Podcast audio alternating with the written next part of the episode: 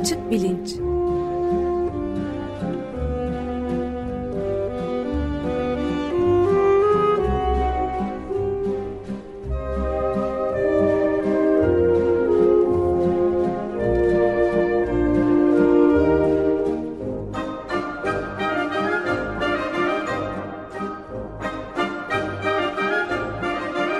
Güven Güzeldere ile bilim ve felsefe sohbetleri.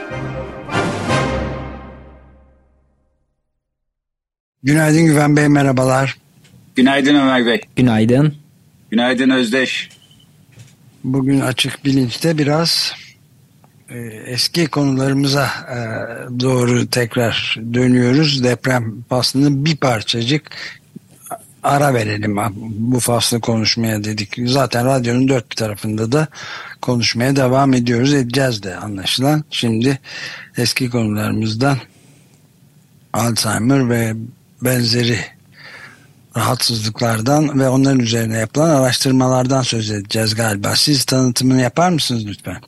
E, tabii yani haliyle e, aklımızda kalbimizde deprem yöresinde depremzedelerle beraber filan ama öte yandan dinleyenlerden artık başka şeyler de duymak ihtiyacı hissediyoruz diyenler de var. Dolayısıyla e, deprem konularını vakainameye havale ederek şimdilik e, bilim konularına geri dönüyoruz. Ve bugün aslında herkesin e, sevineceği türde e, bir program içeriği üreteceğimizi e, düşünüyorum. E, konuğumuz uluslararası alanda da tanınan e, çalışmalarıyla bilinen e, nörobiyolog Ali Ertürk. Hoş geldiniz Ali Bey. Hoş bulduk. Hoş geldiniz. Hoş geldiniz. Konuğumuz Ali Ertürk Almanya'dan e, bağlanıyor bu programa. E, kendisi Bilkent Üniversitesi'nde moleküler biyoloji ve genetik çalıştıktan sonra doktora tezini Münih'teki Max Planck Nörobiyoloji Enstitüsü'nde tamamlıyor. Ardından e, San Francisco'da bu işte Silikon Vadisi denen pek çok e, girişimcinin e, büyük şirketler kurduğu bölgede bir biyotek firmasında e, doktora sonrası çalışmalar yaptıktan sonra Almanya'ya geri dönüyor ve LMU diye bilinen Ludwig Maximilian Üniversitesi'nde e, profesör olarak çalışmalarını sürdürüyor. Aynı zamanda e, Münih'te e, doku mühendisliği ve re, rejeneratif e, tıp enstitüsünün de direktörlüğünü yapıyor. Yeniden hoş geldiniz Ali Bey. E, Merhaba. E, ben e, Ali Ertürk'ün çalışmalarını bir süredir takip etmeye çalışıyordum. Kendisinin ilgi alanları arasında e, nörodejeneratif hastalıklara karşı da, kansere karşı da, metabolik bozukluklara karşı da e, ne şekilde tedavi yöntemlerinin geliştirilebileceği konusu da var. Bundan zaten e, konuşacağız. E, Ali Ertürk'ün laboratuvarında neler e, yapılıyor, neler hedefleniyor diye. Aynı zamanda malum biz e, açık bilinçte Alzheimer konusunu da 2013'ten bu yana e, Profesör Hakan Gürvit'in e, öncülüğünde takip etmeye çalışıyoruz. Ne gibi yenilikler oldu, işte dünden bugüne neredeyiz, e, yarın nerede olabiliriz diye bu soruları e, Ali Ertürk'e de e, yönelteceğiz.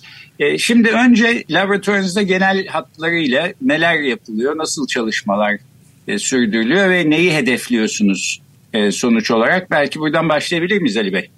Tabii ki. E, tekrar davetiniz için teşekkürler.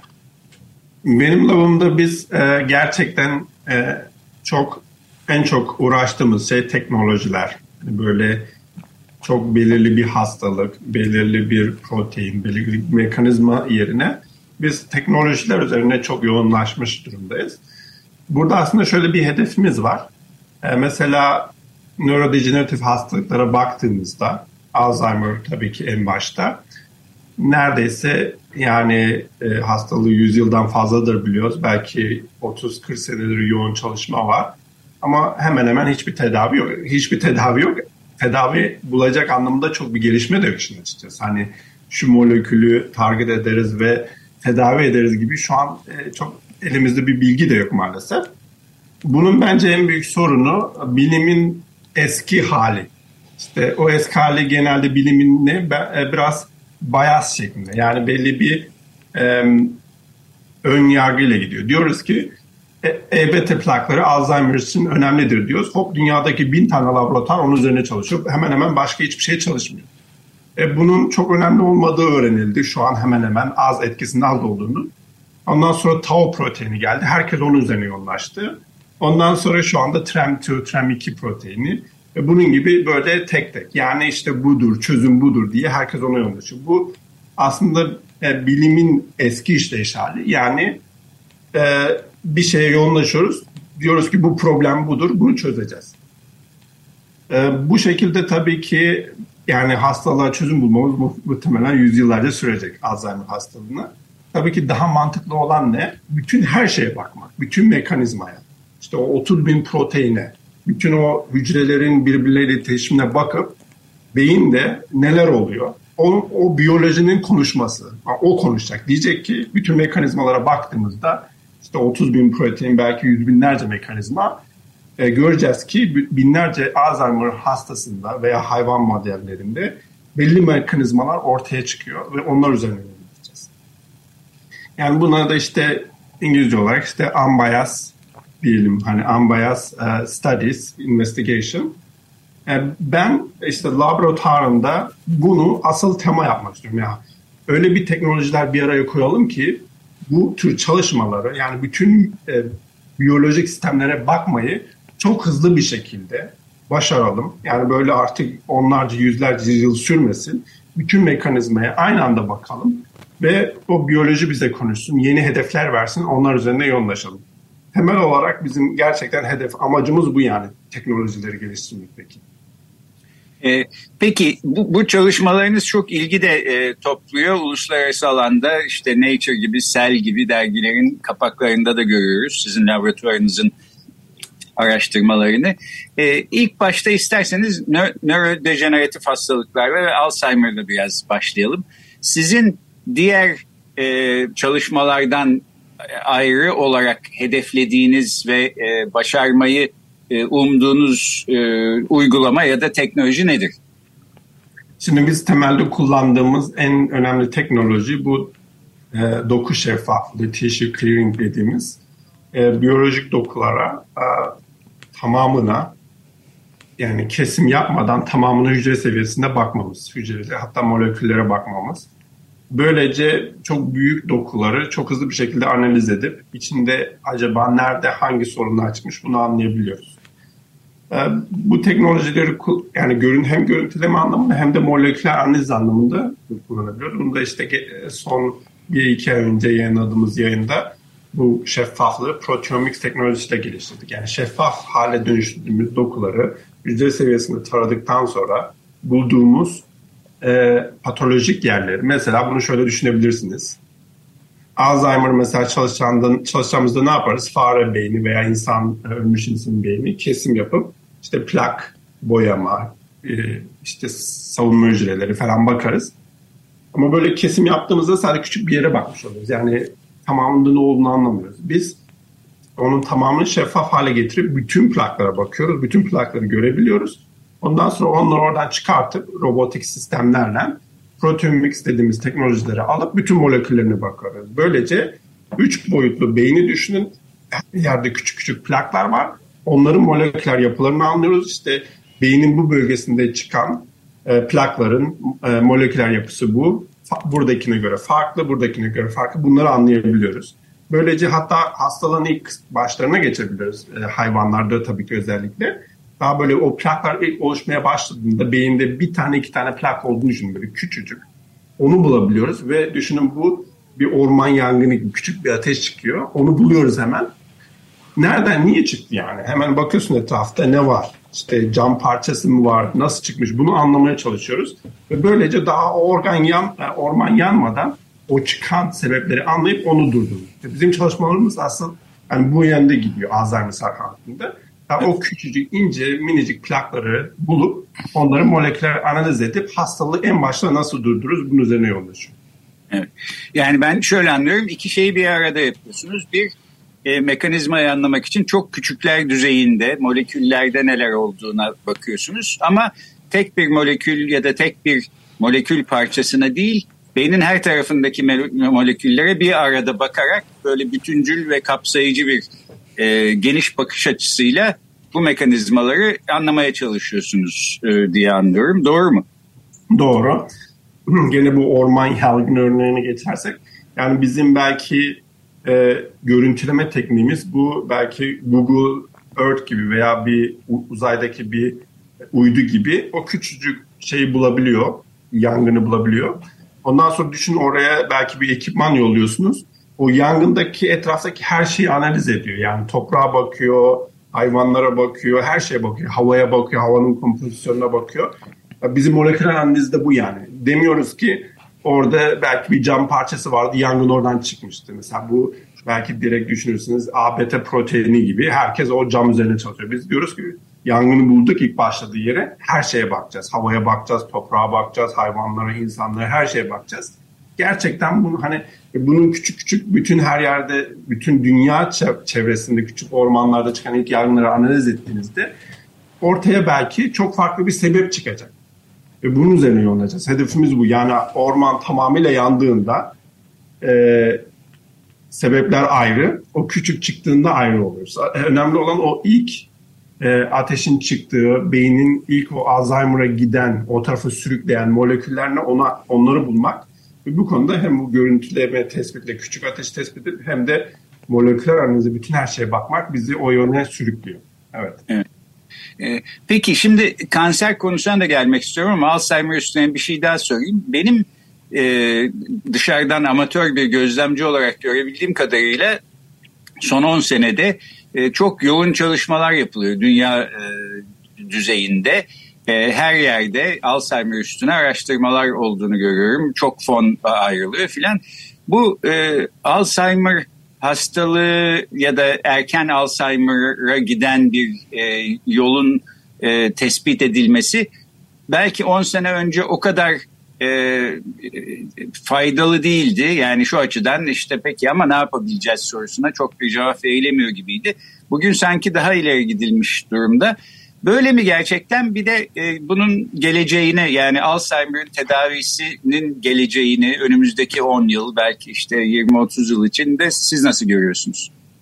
Dediğiniz gibi aslında e, bu son zamanlardaki gelişmelerle bakış açısı değişmeye başladı. Aslında bu sadece Alzheimer bütün hastalıklarda acaba en erken aşamalara nasıl gideriz? Yani düşün kanserde ilk kanserli hücreyi bulsak yok etsek zaten iş bitmiş olacak ama bulamıyoruz tabii o ilk çıktığında.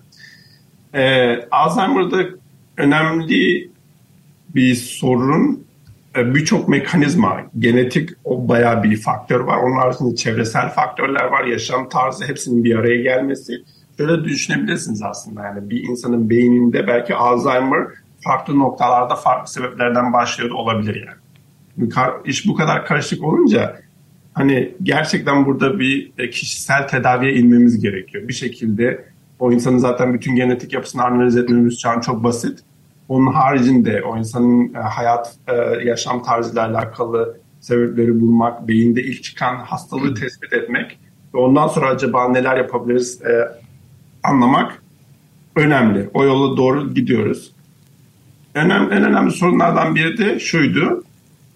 Beyindeki hastalıkları hani yeni mekanizmaları belki laboratuvarda işte hayvanlar üzerinde olsun, hücre kültüründe olsun çalışabiliyoruz. Sinir hücrelerini koyuyoruz. İşte E beta proteinini koyuyoruz. Onun sinir hücrelerini öldürüyor. Diyoruz ki bağlantı var. Ondan sonra oraya üzerine bir ilaç koyuyorsunuz. Diyorum işte o plakları yok ediyor e, okey e, hücre kültüründe sinir hücreleri yaşadı ama hayvan insana verdiğinizde bu o çalışmıyor. Niye? Çünkü o ilaç beyine gitmiyor. Yani beyine yetiş genelde birçok ilacın beyine girmesi sorun. Çünkü ba- bariyer var. E, bunu aşamadık, aşamıyoruz. Çok kolay değil. Bayağı bir e, şey biyotek şirketi, bilimsel araştırmalar acaba e, ilaçları beyine nasıl götürürüz onun üzerinde çalışıyor. Bizim yaptığımız çok ilginç bir çalışma var. Şu an BioArchive'de o da geçen sene koymuştuk. Umarım önümüzdeki birkaç ayında yayınlanır şu an. E, revi, revizyonunu yapıyoruz. Gene yüksek bir journal için. Şöyle bir şey bulduk. E, beyindeki hastalıklar bizim kafatasımızda e, da görünüyor. Mesela beyinde Alzheimer'da ne var bildiğimiz bir neuroinflammation, inflamasyon var beynin içinde. Biz şunu tespit ettik. Bu inflamasyon bir ayna gibi bir e, kafatasının içinde de oluyor. Yani kafatasının içi, kafatası omuril aslında bir kemik iliği. Kemik iliğinde tabii ki savunma hücreleri var. E, eğer insan beyninde bir hastalık oluşuyorsa o kafatasındaki savunma hücreleri de hem sayısı artıyor hem saldırganlığı artıyor. Belli bir şey var, komünikasyon var. Bu çok ilginç. Arada hatta böyle kanallar, kapılar olduğunu gördük. Bunu şöyle düşünebilirsiniz. Eski zamanlarda böyle kaleler olurdu ya. Kalelerin kapıları var. İşte kalenin dışarısı diyelim. İşte kale şey olsun o kafatasımız. Dışarısı e, diğer dokular, içerisi beyin. E, içeride tabii bir şeyler olduğu zaman e, diyelim hareketlenme oluyor. Hep düşünüyorduk ki bu hareketlenme içeride oluyor ama gördük ki bu kapılar var. Belki şeyler e, bu düşmanlar, hareketlenmeyi sağlayan kişiler bu kapılardan içeri giriyor. Bu ne demek? Belki beynini tedavi etmemiz için ilaçları beyine yollamamamız gerekmiyor.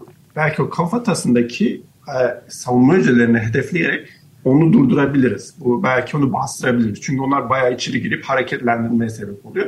Bu tamamıyla çok yeni bir bakış açısı şu an. Yani biz bunun üzerine bayağı bir şey çalışma yaptık. Bu e, hatta Alzheimer e, bayağı yüksek 50-60 Alzheimer hastasının e, kafasında taramalar yaptık. İşte bu PET imaging, TSPO PET imaging var. O şey gösteriyor. Savunma hücrelerin aktivasyon e, seviyesini gösteriyor. Bunu e, Alzheimer hastalarında taradığımızda beyindeki e, aktiviteyi görüyoruz. Bu bilinen bir şey. Ama aynı şekilde kafatasında da görmeye başladık. Bu ne demek? Hem tedavi anlamında belki buradaki hücreleri durdursak belki beyindeki inflamasyon düşecek demek. Bir, iki, bir de şey anlamında e, erken tedavi anlamında bir kapı açıyor olabilir. Çünkü beyni gene görüntülemek çok zor. Ama kafatasını görüntülemek daha kolay çünkü çok yakın, yüzeye çok yakın. Şu an düşündüğümüz konseptlerde mesela böyle iPhone gibi veya böyle saatlerde bizim şeyler var ya altlarında e, işte sensörler var işte değişik şeyleri ölçüyor. Aynı şekilde şeyler yapmaya çalışıyoruz böyle elle tutulan e, device'larla işte kafada sensörle o inflamasyonu görüntüleyebileceğiz mi acaba? İşte erken yakalayabileceğiz mi? Tedavi varsa işte inflamasyona karşı onu takip edebileceğiz mi? Bu tamamıyla farklı bir bakış açısı. Hem, hem tespit anlamında hem de tedavi anlamında. Bunun üzerinde benim labımda şu an bayağı bir çalışma var. Peki ben de bir şey sormak istiyorum. Şimdi e, bu Alzheimer gibi e, özellikle işte plakların yapısı, sayısı ve moleküler analize geçişini filan uzun zamandan beri inceliyoruz dediniz.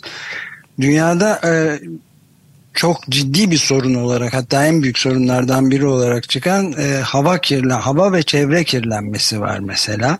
Yani bilebildiğim kadarıyla en az 7 milyon ölüme yılda sebep oluyor ve yüz milyonlarca insanın hastalanmasına yol açıyor.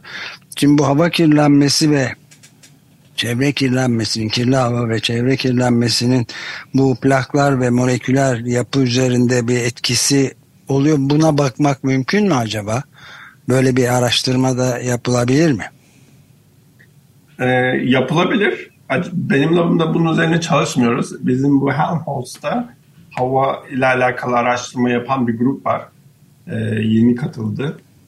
Şey yapıyorlar, bu havadaki erozil denen küçücük baloncukların içinde taşınan o kimyasallara, bakterilere, şunları bunları analiz et bakılıyor.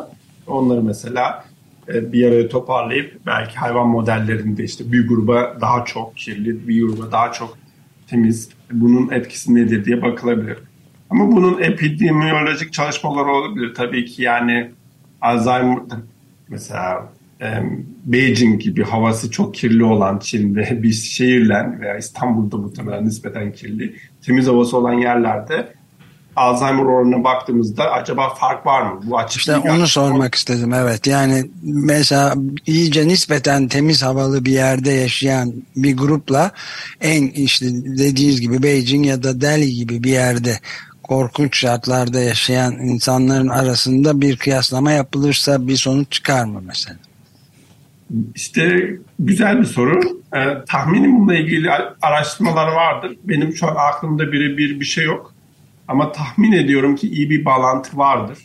Çünkü e, kirli hava tabii ki birçok vücudumuzdaki şeyi etkiliyor. Kansere sebep olmasından metabolik hastalıklara, işte şeker hastalığı, diabetes, e, Alzheimer, değişik nörodejenerasyonlar bildiğimiz zaten mesela Parkinson'la bununla alakalı çok bariz bağlantılar var. Hatta Mısır'da Nil'in etrafında belli bir e, tarımcılık yapanlar belli bir pestisayt bir şey koruma kullanıyorlarmış bir kimyasal. Oradaki birçok kişi de Parkinson oluşmuş mesela. Direkt çevreden gelen bir şey. Çünkü o tarımda kullandıkları kimyasalları da tabii içiyorlar, yiyorlar. Hani birebir e, bunların etkilerini biliyoruz. Hava kirliliği de muhtemelen aynı şekilde vücuttaki birçok şeyi etkileyebiliyor, etkiliyor olabilir. Bunların içinde Alzheimer kesin vardır yani. Evet, Ömer Bey bir nörobiyoloji kariyeri de düşünür müsünüz ek olarak? ee, güzel bir hipotez sundunuz yani. Zamanım biraz daraldı ama olsun. Peki ben şimdi e, Ali Bey bu anlattıklarınızdan şunları çıkartıyorum. Bir tanesi son derece interdisipliner çalışmalar yapıyorsunuz. Yani işin içinde hem biyoloji var, hem kimya var, hem teknoloji var. E, yeni teknolojiler de üretiyorsunuz. İkincisi e, bu yaptığınız çalışmaların başarısı e, günümüzde e, olan biten işte teknolojilerin en uç e, şekilde kullanılmasıyla da mümkün oluyor. Sensör teknolojisi sayesinde işte böyle cihazlar üretebiliyorsunuz filan. Bir de benim en önemli bulduğum belki bedenin kendi mekanizmalarını anlayıp onları kullanarak, onlardan yardım alarak e, çözüm üretmeye çalışıyorsunuz. Yani bağışıklık sistemi nasıl çalışıyor, savunma hücreleri ne zaman işin içine giriyorlar.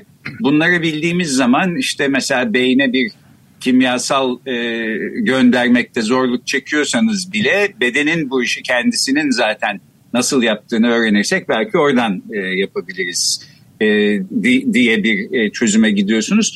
Şimdi kanser çalışmalarında da herhalde benzer bir yöntem söz konusu değil mi? Yani bir orman yangınını işte en küçük e, yanmaya başladığı noktada belki tespit edip hem de her tarafa nasıl yayıldığına bir arada e, bakmaya çalışmak filan.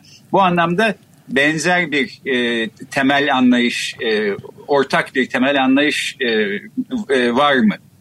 Aynen dediğiniz gibi bu teknolojilerde ben biraz e, hani e, sinir hastalığı, neuroscience background'um var. Ama şu an bayağı bir değişti yani benim laboratuvarımda bayağı kişi kanser üzerine çalışıyor, diyabetik üzerine çalışıyoruz. Şimdi sigara ile alakalı çalışmamız var. Smoking nasıl etkiler vücutu. Aslında Core'da geliştirdiğimiz tek, asıl güzellik bu. Bu teknolojiyi her hastalıklara çok hızlı bir şekilde uygulayabiliyoruz. O yüzden biraz ilk başlarda çok e, teknolojiye yoğunlaştık. Teknolojileri o kadar iyi yapalım ki çalıştığımız modellerde hastalık e, hastalık analiz dokular, dokuların analizinde çok daha başarılı olalım. Bunu hemen değişik hastalıklara uygularız. Dediğiniz gibi kanseri mesela şu an hücre seviyesinde tespit edebiliyoruz da dünyada bunu yapabilen tek teknoloji bizde hayvanlar üzerinde. Hücre seviyesinde tespit edebiliyoruz. Hücre seviyesinde eğer bir ilaç kullanılmışsa bunun başarılı olup olmadığını anlayabiliyoruz. Zaten kanserin tedavisini düşündüğünüzde bu çok önemli. Çünkü diyelim 100 e, bin tane kanser hücresi var öldürdünüz iki tane kaldı. Sizi öldürebilir yani tekrar çoğalabilir değil mi? Yani hücre seviyesinde hepsini yok etmemiz lazım.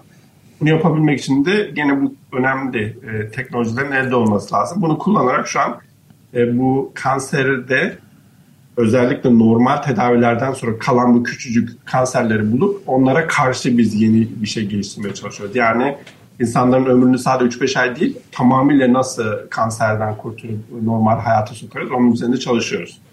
Evet. Peki ben bitirirken şunu söyleyeyim. Şimdi zamanımızın yaklaşık sonuna geldik. Benim yaşımdaki insanların anneleri, babaları, halaları, teyzeleri, amcaları yani onlardan bir 20-30 yaş daha yaşlı olan kişilerde e, Alzheimer hastalığı da kanser de sıkça görülüyor. Herkes de, de de bunun endişesini görüyorum. Çünkü genetik bir parçası da varsa eğer e, kanserin ya da Alzheimer'ın e, ben de 20-30 sene sonra bu hastalıklardan muzdarip olacağım mı diye düşünüyor insanlar. E, 10 sene 20 sene belki 50 sene öncesine göre herhalde daha iyi bir durumdayız tedavilerin bulunması anlamında ama yine de bu tür endişeler taşıyan insanları da göz önüne alarak E, programın bitişinde siz birkaç cümle söylemek isterseniz ben sözü size bırakayım. Yani Alzheimer diğer birçok hastalık gibi bir teknik problem diyebiliriz. Aslında deprem de öyle maalesef teknik bir problem. Her teknik problemin teknik bir çözümü var. Yani o binaları sağlam yapsak o binalar yıkılmayacaktı, insanlar ölmeyecekti. E, Alzheimer'da da öyle. O genetik hani tek, çok önceden düzeltebileceğimiz bir şey değildi ve şu an CRISPR-Cas metotlarıyla düzeltebiliyoruz. Somatik e, mutasyonları düzeltme şansımız var. Onun haricinde çevreyle alakalı bir şey düzeltebiliyoruz. İnflamasyona karşı. Yani bilim o kadar hızlı ilerliyor ki her herkes Alzheimer'a yakalanacak olsa bile bunun yani etkisini azaltıyor bir şekilde olacağız. Yani düşünün belki Alzheimer'da bazı böyle bir e, yaşanılabilecek bir kondisyon olacak bir hale gelebilir önümüzdeki bilmiyorum kaç yılda ama muhtemelen öyle olacak yani. Evet. E, peki şimdi burada Ömer Bey diyecek ki ama tabii dünya hala ortada varsa e, yok olup gitmediyse filan onu da ben onun yerine söylemiş olayım. Evet yani daha iki gün önce eski e, Birleşmiş Milletler Genel Sekreteri Ban Ki-moon son derece az zamanımız kaldığını bir kez daha bütün insanlığa söyledi, uyardı.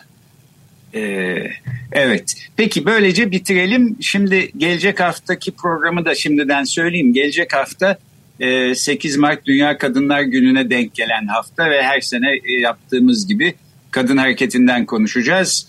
E, New York'tan Pratt Enstitüsü'nden sosyolog Profesör Kumru Toktamış konuğumuz olacak bir aksilik olmazsa.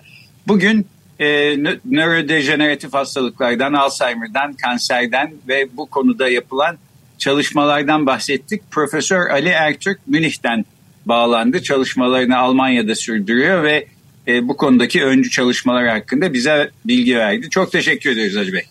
Rica ederim. Çok, Çok teşekkür ederiz. Başarılar diliyoruz. Hoşçakalın.